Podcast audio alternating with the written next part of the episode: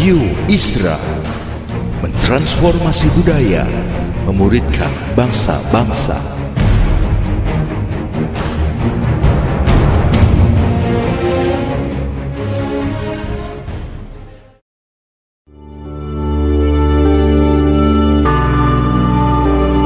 Apostolic Prophetic Messages mengungkapkan pesan dan arahan dari hati Tuhan bagi gerejanya demi menuntaskan mandat kerajaan Allah di Indonesia dan bangsa-bangsa.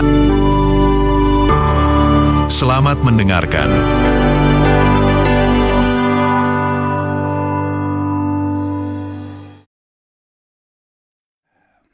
Apa kabar saudara-saudara? Puji Tuhan, kita ketemu lagi pada pagi ini. Bersyukur buat anugerah Tuhan yang baru buat kita.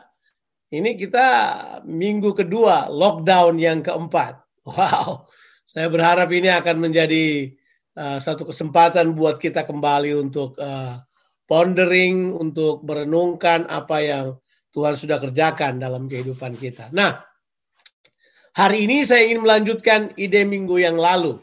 Minggu yang lalu kalau saudara ingat uh, kita membahas soal pikiran ya.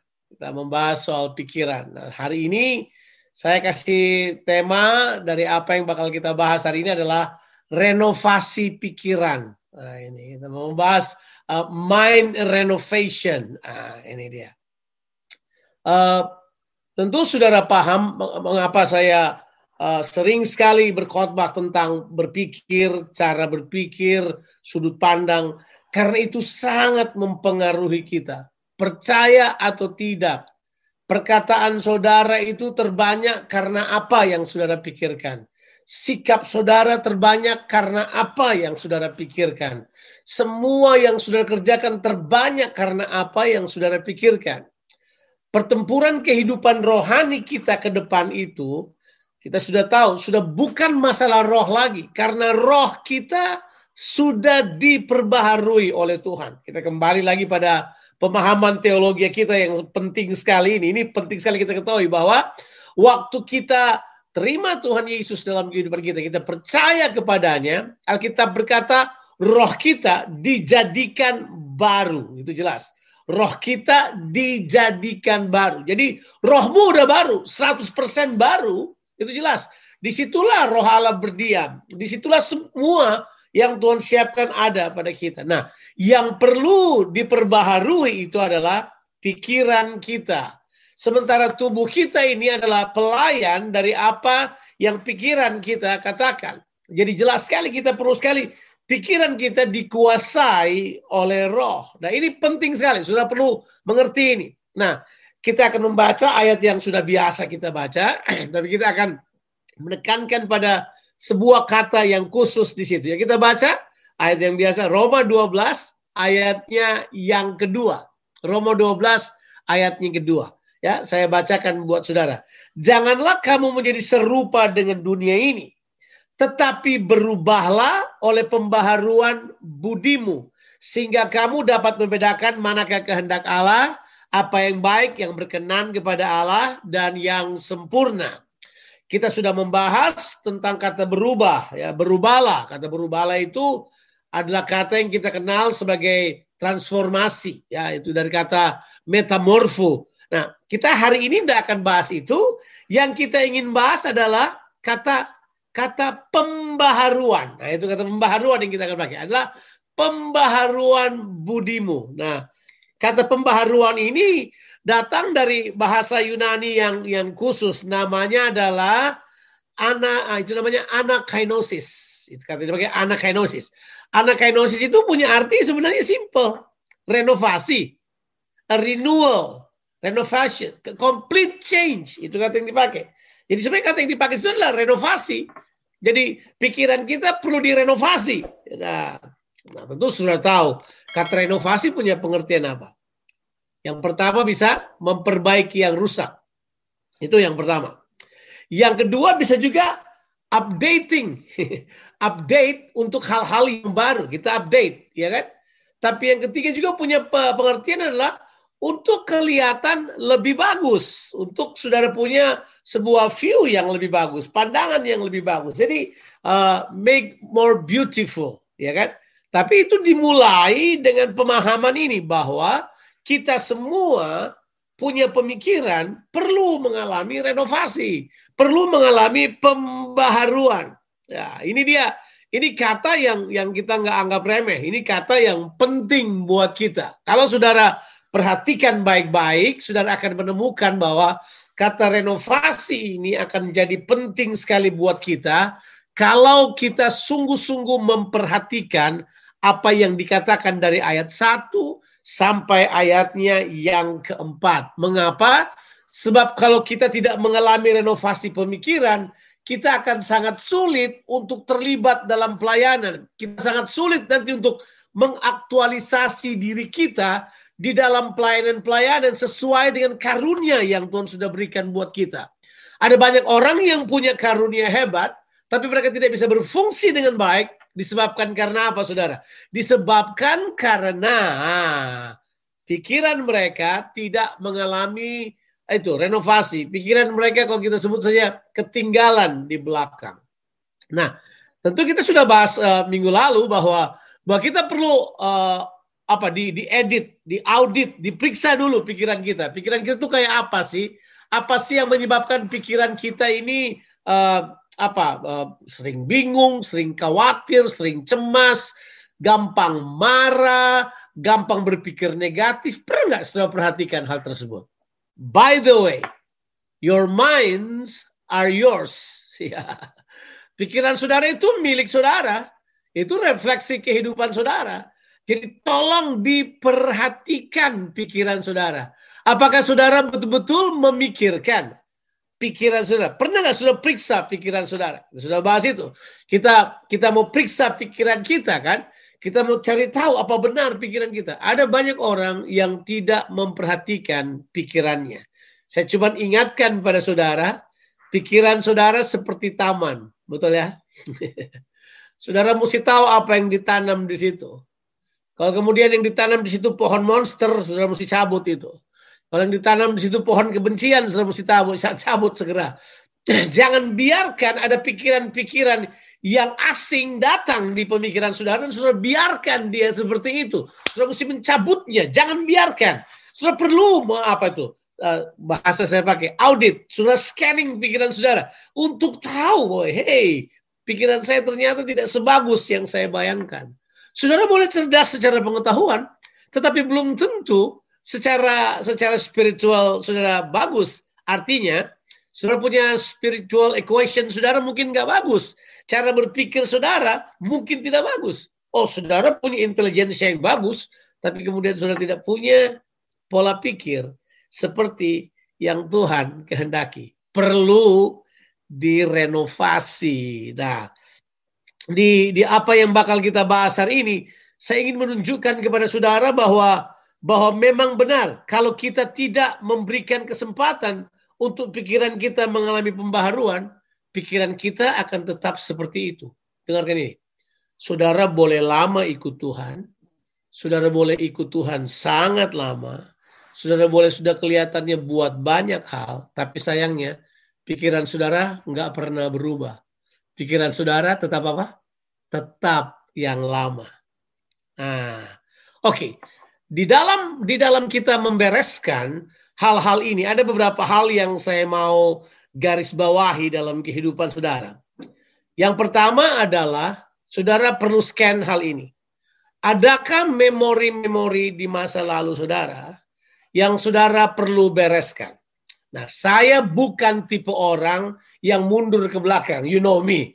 I always think future. Saya mau berpikir ke depan. Karena iman, pengharapan, dan kasih perlu maju ke depan. Akan tetapi kalau state pemikiran kita sekarang tetap dikuasai oleh sebuah peristiwa, sebuah keadaan yang saudara rehearse terus di pemikiran saudara berulang-ulang. Mungkin itu kejadian yang traumatik. Mungkin itu perkataan orang yang orang katakan kepadamu waktu engkau kecil. Mungkin itu waktu itu adalah hal-hal yang kemudian membuat saudara apa tuh mem- mem- membuat keputusan-keputusan yang kemudian memenjarakan saudara pada sebuah keadaan yang tidak bebas, tidak merdeka. Saudara kemudian terperangkap terus pada kenangan masa lalu, hal-hal yang ada di belakang. Saya mau katakan kepada saudara, hampir semua yang Paulus katakan buat kita berhubungan dengan hal tersebut, Paulus katakan ini, aku melupakan apa yang ada di belakangku. Nah itu kita perlu tinggalkan. Apa aja, apa aja, mau mau pengalaman yang uh, mau kenangan yang yang buruk, kenangan yang terlalu manis barangkali sampai itu menguasai cara berpikir saudara sehingga menghalangi saudara untuk maju ke depan, saudara perlu sekali untuk meninggalkannya. Saudara perlu untuk meninggalkannya. Nah, kita perlu tahu bahwa kenangan masa lalu kadang-kadang menyenangkan, itu jelas. Dan dan tentu saudara tahu kan, saudara hadir di sini hari ini merupakan produk keputusan-keputusan saudara di masa yang lalu. Itu berarti ada pemikiran-pemikiran saudara di belakang sana yang perlu dibereskan. Saya menyarankan ini. Saya bukan ahli psikologi, saya tidak tahu mengenai hal ini terlalu banyak, tapi saya harus katakan kepada saudara, kalau ada memori yang membuat saudara tiba-tiba berubah mood, Memori membuat saudara kemudian berubah sikap. Memori yang membuat saudara berubah uh, apa itu? Berubah cara berpikir terhadap orang lain. Saya mau beritahu ini buat saudara. Hentikan. Hentikan hal tersebut. Terbanyak pemikiran itu saya sebut sebagai pemikiran apa? Pemikiran offenses, pemikiran sandungan, pemikiran kekecewaan di masa yang lalu. Hentikan pemikiran itu. Kekecewaan-kekecewaan yang membuat saudara memutuskan banyak hal. Berhati-hatilah. Saya cerita sedikit. Waktu saya mulai uh, uh, bertobat, terima Tuhan, saya ada di bawah bimbingan uh, seorang hamba Tuhan yang uh, saya kagum sekali. Sampai sekarang saya tetap menganggap beliau sebagai seorang yang investasi banyak dalam kehidupan saya. Tapi hamba Tuhan ini jatuh. Dan soal jatuh apa tidak, itu pilihan manusia. Saya tetap menghargai Bapak ini. Tapi tentu sudah mesti tahu kan, kita kecewa kadang-kala. Kalau orang yang kita anggap sebagai panutan kehidupan berbuat kesalahan, bisa jadi kita kecewa karena hal tersebut. Dan saya juga, saya bukan orang-orang terlalu pintar dan superman, saya juga kecewa. Saya kecewa dan saya tidak sadar hal tersebut. Tebak, kekecewaan saya mempengaruhi pola pikir saya mempengaruhi banget. Waduh, saya kecewa banget. Saya kasih contoh, pengaruhnya kayak apa? Saya kecewa karena dia adalah seorang yang yang luar biasa. Sampai saya sudah cerita pada saudara saya sampai berdoa, Tuhan kalau Tuhan mau pakai saya, pakai saya seperti Bapak ini. Ya, ya itu, itu doa yang salah sih. Ya. Jadi kemudian ini yang terjadi. This is this is powerful. Satu kali saya hadir di kebaktian, di ibadah. Semua sudah baik, kita sudah ampuni, sudah pengampunan loh, sudah. Sudah. Tapi saya tidak mengizinkan pikiran saya mengalami renovasi. Saya tidak mengizinkan pemikiran saya diperbaharui. Saya tidak membuang apa uh, traumatik pemikiran yang menyebabkan saya kecewa. Ini yang terjadi. Jadi saya hadir di sebuah kebaktian. Saya duduk di sebuah ibadah, terus kemudian pendetanya berkhotbah pendetanya berkhotbah, saya kena Pak, saya kena sekali. Firmannya kena sekali sama saya. Dan dan saya tahu persis di dalam saya berkata gini, kamu mesti bertobat, kamu mesti kamu mesti berespon pada firman Tuhan ini. Dan hamba Tuhannya tantang orang-orang. Siapa saudara yang dijama oleh firman Tuhan dan saudara perlu bertobat. Kalau saudara perlu didoakan, coba angkat tangan saudara. Atau enggak, saudara maju ke depan. Kalau enggak mau maju, saudara tempat duduk saudara, tapi angkat tangan saudara. Ya, saudara tahu kan ibadah yang seperti itu ya. Uh, uh, pendeta yang ingin uh, dealing langsung dengan masalah yang terjadi dari orang-orang yang dia layani. Tebak saya bergumul luar biasa banget. Tiba-tiba muncul di pikiran saya. Ini muncul di pikiran loh, bos. Ini muncul di pikiran. Bukan di mana-mana. Tahu apa sih pikiran? Hmm, jangan-jangan pendeta ini bagus loh. Khotbahnya keren. Tapi jangan-jangan dia selingkuh sama sekretarisnya. Jangan-jangan dia tebak. Saya nggak bertobat, Pak. Saya tetap di situ, saya keraskan hati saya. Kenapa saya keraskan hati saya? Sudah pikir cuma karena saya keras hati? Oh enggak, saya enggak keras hati. Tapi kenapa saya jadi keras hati? Hmm. pikiran saya di lock pada kekecewaan saya pada waktu itu. Saya nggak bisa lagi terbuka kepada seorang hamba Tuhan. Saya pikir semua ini, ini dipikir saya. Semua pendeta sama, semua pendeta pasti bejat. Itu pemahaman saya, bayangkan. Tapi saya berpikir mau menjadi pendeta itu kan aneh juga.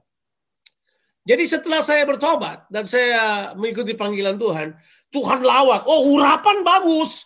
Kalau tiap pelayanan urapan dahsyat dipakai oleh Tuhan. Tapi pola pikir tetap ada.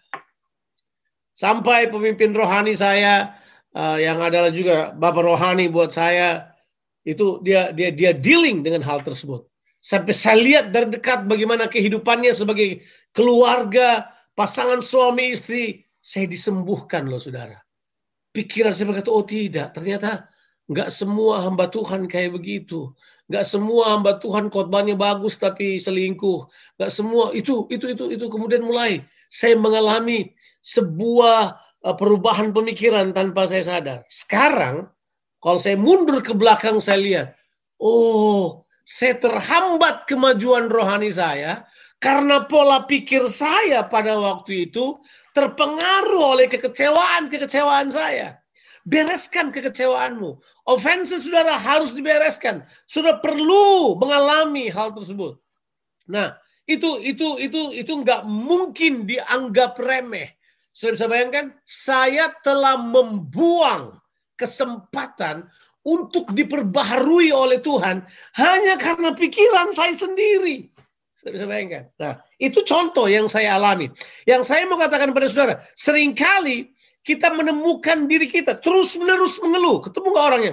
Sedikit sedikit mengeluh, sedikit sedikit mengeluh. Ya, pandemi mengeluh. Ya, bebas pandemi mengeluh apalagi mau saudara mau apa? Uh, lockdown mengeluh lockdown mengeluh kira-kira begitulah saudara kemudian jalan ke mana mengeluh terus tiap hari mengeluh. Mengeluh udara mengeluh ini mengeluh itu. Hello hello. Kalau tiap hari saudara mengeluh tolong itu perlu renovasi. Itu perlu upgrade. Jangan-jangan keluhan tersebut muncul dari pola pikir yang telah berurat akar di dalam diri saudara. Yang berkata begini, saya tidak mungkin mendapatkan kepuasan, saya tidak mungkin mendapatkan kebahagiaan, saya tidak mungkin mencapai apa yang Tuhan. Mungkin orang pernah berkata kepada saudara, kok kamu gak akan berhasil, kamu gak akan mungkin menjadi seperti ini. And you rehearse that in your mind. Sudah izinkan itu ada dalam diri saudara. Apakah saudara cemburu? iri hati, sudah merasa orang lain, rekan pelayanan, teman pelayanan sebagai saingan, sebagai kompetitor. Oh, jangan-jangan ada hal-hal yang salah di pemikiran saudara. Itu semua hanyalah main game. Saudara perlu bereskan itu.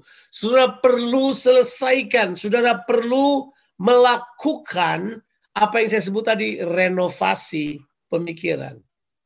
Kita harus tahu, kita dapat menjadi lebih baik dari kita sekarang ini. Bisa. Cara berpikir kita yang perlu diubah.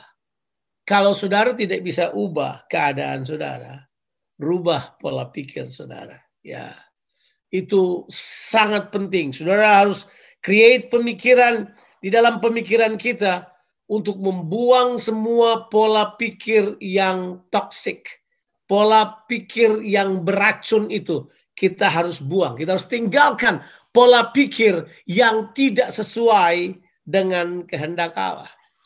Tapi bisa juga apa yang saya sebut dengan renovasi itu adalah upgrading. Ya. Mengganti membuang bisa, ganti semuanya tapi mungkin juga upgrading cara berpikir kita, updating. Mungkin aplikasi di kepala kita sudah not updated, udah kelamaan. 32 tahun ikut Tuhan, cara berpikir kita kayak 32 tahun yang lalu. Update dong, Pak. Update dong, kelamaan, udah nggak bisa tersambung kepada hal-hal yang baru. Uh, jadi lambat cara berpikir, nggak bisa seperti seperti yang Tuhan inginkan. Perlu update. Kalau perlu update ini, saudara perlu datang kepada sumber update-nya, Tuhan. Saudara perlu new revelation. Saudara perlu bertumbuh dalam pengenalan akan Allah. Saudara perlu masuk kepada hal-hal yang Tuhan inginkan. Saudara perlu izinkan saudara diisi oleh kebenaran firman Tuhan. Cognitively, secara pengetahuan, informasi boleh. Tapi juga saudara mengalami apa yang disebut dengan perenungan-perenungan yang konstan sampai saudara kemudian memiliki pola pikir yang diperbaharui. Saudara masih ingat kan statement ini? Ya, statement ini bahwa anggur baru itu harus masuk dalam apa? Kirbat yang baru. Betul ya?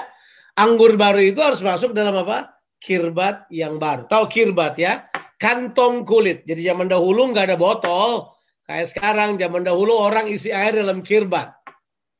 Kirbat itu terbuat dari kulit. Kalau dia sudah mulai lama, dia nggak elastis lagi, dia jadi kaku pikirannya jadi kaku, pola pikirnya jadi kaku. Makanya hidupnya kaku gitu, nggak punya wawasan yang luas. Nah, kalau saudara mengalami kehidupan kerohanian saudara seperti itu, saudara mungkin perlu update. Saudara perlu datang pada Tuhan dan mengizinkan Tuhan update cara berpikir saudara. Pola pikir saudara perlu dibaharui. Ya, perlu ganti aplikasi sedikit atau memperbarui aplikasi, update, ya kan? Nah, updating ini kadangkala kalau kirbat itu cara update-nya bagaimana? direndam dalam air. Kulit direndam dalam air. Sampai dia lembut sekali lagi. Waduh. Ini ada ada waktu-waktunya loh. Ada waktu-waktunya di mana kita perlu untuk mengizinkan diri kita tenggelam dalam firman Tuhan aja. Izinkan firman Tuhan bersihkan semua kotoran-kotoran dalam pemikiran kita. Izinkan firman Tuhan membasahi kehidupan kita. Ya. Seperti Raja Wali itu, ya. Dia kadang-kala harus apa itu? Patok apa? Dia punya apa ini? Apa sih? Raja Wali punya apa itu? Uh, uh, bignya dia itu sampai dia kemudian pecah sampai kemudian tumbuh yang baru lagi ganti sayapnya supaya bisa apa, apa bulu-bulunya kemudian di, dibuang supaya kemudian ganti yang baru untuk terbang. Ini ini menunjukkan bahwa kita perlu kadangkala diperbaharui oleh firman Tuhan. Mau ganti aplikasi pemikiran? Tebak firman Tuhan. Tidak ada jalan lain. Tenggelam dalam firman Tuhan. Izinkan firman Tuhan isi diri saudara. Isi terus diri saudara. Kita perlu sekali untuk memiliki renovasi pemikiran. Kita perlu, sudah perlu updating cara berpikir saudara. Sebab kalau tidak, berbahaya. Nah, sekarang yang berikut. Alkitab beritahukan kepada kita. Renovasi pemikiran kita ini akan sangat menentukan sekali kita membedakan kehendak Allah. Kalau ada kesempatan di mana kita perlu sekali kemampuan membedakan adalah sekarang. This is the time that you need the most the ability to make a difference, the ability to actually knowing which one which. Ya, sudah harus membuat perbedaan. Saudara harus memiliki kemampuan untuk membedakan hal tersebut. Di tengah-tengah dunia yang informasinya sangat banyak, kepalsuan sangat banyak, Saudara perlu itu. Saudara perlu kemampuan itu. Saudara perlu memiliki kemampuan untuk dapat membedakan. Ha, ini ini penting sekali dalam kehidupan kita. Masih ingat saya pasti sudah pernah cerita buat saudara. Saya membaca di kitab dua Raja-Raja 13 tentang tentang nabi muda itu loh. Ingat istilah nabi muda dan nabi tua? Di mana nabi muda ditipu oleh nabi tua, Kemudian begitu dia ditipu, dia kemudian mati dan mayatnya dimakan singa gitu di tengah jalan. Sebuah cerita yang ditulis dalam kitab Dua Raja-Raja itu. Kita kemudian tahu ceritanya bukan? Saya habis baca cerita itu, saya menangis Pak. Saya terpukul sekali. Saya juga bernubuat, saya sampaikan kebenaran. Tapi saya juga masih bisa tertipu. Saya sampai berkata pada Tuhan, Tuhan, this man punya integritas. Dia cuma hormati aja Nabi tua itu. Dia duduk makan sama Nabi tua itu karena dia respect pada Nabi tua. Karena ada ayat juga yang berkata siapa menghormati Nabi akan mendapatkan upah Nabi. Dia mungkin dia mungkin respect aja seniornya. Kita diajar respect kan kepada senioritas? Jelas dong. Itu beberapa hari saya sedih banget baca itu. Sampai Tuhan beritahu buat saya. Dia punya integritas. Cuma dia tidak punya kemampuan membedakan. Ah, aduh. Saya kemudian sadar. Saya sudah katakan pada saudara, kita hidup di zaman di mana informasi can come anywhere. Sudah perlu bertumbuh dalam hal tersebut. Renovasi pemikiran saudara perlu ditambah lagi supaya saudara kemudian dapat membuat perbedaan, dapat memiliki kemampuan membedakan, membedakan roh, membedakan ajaran, membedakan isme, membedakan gaya hidup yang harus dipilih. Kita perlu hal tersebut. Itu muncul dari dalam kemampuan membedakan hal tersebut. Ya, saya mesti selesai, saya tidak boleh khotbah terlalu panjang. Saya mesti segera selesai. Saya sekarang mau masuk pada hal yang saya anggap penting. Kalau begitu, bagaimana sikap kita terhadap renovasi pemikiran ini? Sikap apa yang harus kita terus bangun dalam pemikiran kita? Tentu sudah sudah pernah dengar hal ini, tapi saya cuma mau ulangi lagi pada saudara bahwa di ayatnya yang ketiga dari dua kitab Roma 12 ayatnya yang ketiga. Alkitab beritahu buat kita. Dalam berhadapan dengan pemikiran, kita perlu anugerah dari Tuhan. Kita perlu berpikir kasih karunia. Kita perlu berpikir bahwa Tuhan mau supaya kita mengalami terobosan dalam pemikiran kita. Berdasarkan kasih karunia yang dianugerahkan kepadaku, Aku berkata kepadamu setiap orang di antara kamu. Janganlah kamu memikirkan hal-hal yang lebih tinggi daripada yang patut kamu pikirkan. Tetapi hendaklah kamu berpikir begitu rupa sehingga kamu menguasai diri menurut ukuran iman yang dikaruniakan Allah kepada kamu masing-masing. Yang pertama berpikir kasih karunia. Apa sih artinya berpikir kasih karunia? Berpikir untuk menyerah kepada kemampuan Tuhan yang Tuhan berikan kepada kita. Kita izinkan Tuhan beracara lewat kita oleh firman-Nya. Itu namanya berpikir grace. Berpikir grace adalah berpikir kasih karunia. Berpikir Tuhan adalah fokusnya. Tuhan adalah pusatnya. It's all about God. Saya akan diubahkan oleh Tuhan untuk mencapai apa yang Tuhan inginkan. Itu cara berpikir yang pertama. Tapi yang kedua adalah hukum kepatutan berpikir. Berpikirlah hal-hal yang patut. Ya, ya. Itu itu kata bagus tuh, hukum kepatutan berpikir. Hal-hal yang patut ini perlu kita perlu kita garis bawahi dalam kehidupan kita, ya. Itu kata yang kata yang dipakai itu kata yang dipakai adalah soberly according, ya.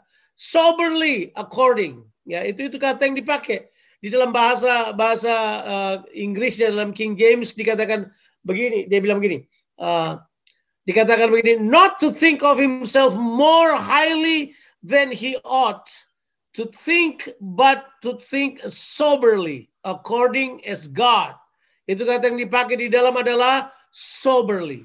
Ya, itu itu itu kata kata yang bagus untuk kita berpikir dengan kesadaran penuh Nah ini yang saya maksudkan kita perlu mengembangkan kesadaran ini dalam diri kita. Sadar terus. Perhatikan cara pikirmu. Perhatikan apa yang kamu katakan. Perhatikan kehidupanmu. Itu penting sekali. Penting sekali buat kita. Jadi yang pertama adalah berpikir kasih karunia. Yang kedua berpikir menurut hukum kepatutan. Patut nggak saya berpikir seperti ini? Patut enggak saya menyombongkan diri di hadapannya dia? Patut enggak saya bo apa, sombong, membesarkan diri di hadapan orang lain? Patut enggak saya berpikir bahwa saya lebih baik daripada dia? Patut enggak? Ah, tanyakan hal-hal tersebut. Patut enggak saya iri hati kepadanya? Patut enggak saya cerita di belakangnya dia? Patut enggak saya melakukannya? Ada hukum kepatutan. Tapi yang terakhir Alkitab beritahu buat kita, ditulis dalam Alkitab adalah kita harus berpikir sehingga itu dapat menghasilkan penguasaan diri dalam diri kita. Berpikir apa yang bisa menciptakan penguasaan diri dalam kehidupan kita. Haleluya. Alkitab beritahu pada kita. Kalau kita mengizinkan roh kudus datang dan menguasai kehidupan kita. Alkitab berkata bahwa Tuhan tidak memberikan kepada kita roh ketakutan. Tapi dia memberikan kepada kita roh yang penuh dengan kuasa, kasih, dan pengendalian diri. Nah, kata pengendalian diri itu bahasa Inggrisnya adalah sound mind pikiran yang sehat, pikiran yang terdeteksi, pikiran yang diperiksa, pikiran yang mengalami perubahan ke arah Kristus, pikiran yang Tuhan kehendaki. Saya akhiri dengan membaca Efesus pasalnya yang kelima. Maafkan hari ini agak panjang khotbahnya, tapi ya kita berdoa supaya ini bisa menolong saudara uh, berpikir, menolong saudara untuk memperhatikan hal ini, supaya sudah terus mengalami perubahan di dalam Tuhan. Saya mau kita membaca Efesus pasalnya yang kelima, kita membaca ayatnya yang ke 15. Saudara tentu harus membaca, biasanya orang kalau baca ini dia akan baca sampai ayat 17. Tapi saya akan membaca ayat 15 buat kita semuanya. ya. Karena itu perhatikanlah dengan saksama bagaimana kamu hidup. Janganlah seperti orang bebal, tetapi seperti orang arif. Orang berhikmat. Pola pikirmu, Pak, yang penting. Pola pikir ini adalah pola pikir yang asyir pengertian akan kehendak Tuhan. Saya merindukan bahwa garam kita semuanya adalah orang-orang yang mengerti kehendak Allah. Ya, kita semua adalah orang-orang yang baca Alkitab, mengenal isi hati Tuhan, mengerti kehendak Tuhan. Yuk, kita mulai dengan renovasi pemikiran kita. Caranya adalah perhatikan pemikiranmu. Periksa pemikiranmu. Update pemikiranmu. Kemudian hiduplah dengan cara berpikir seperti yang saya katakan tadi. Berpikir kasih karunia, berpikir sepatutnya, dan berpikir pengendalian diri. Doa saya, kita semua akan bertumbuh dalam pengenalan akan Tuhan. Saya percaya, Roh Kudus akan bekerja lebih banyak lagi. Kalau mungkin sudah berpikiran salah terhadap orang lain, hari ini bereskan. Kalau mungkin engkau mulai nggak suka orang cuma karena cara berpikirmu yang salah. Buk orang itu mungkin nggak apa-apa, cuma saudara saja yang salah. Cara berpikirmu yang sudah biarkan salah, berprasangka, tidak mengizinkan Tuhan mengoreksi cara berpikir kita. Kita izinkan lewat pembacaan firman Tuhan, lewat merenungkan firman Tuhan, pikiran kita diperbaharui, pikiran kita dikoreksi. Tuhan Yesus memberkati kita sekalian. Amin. Amin.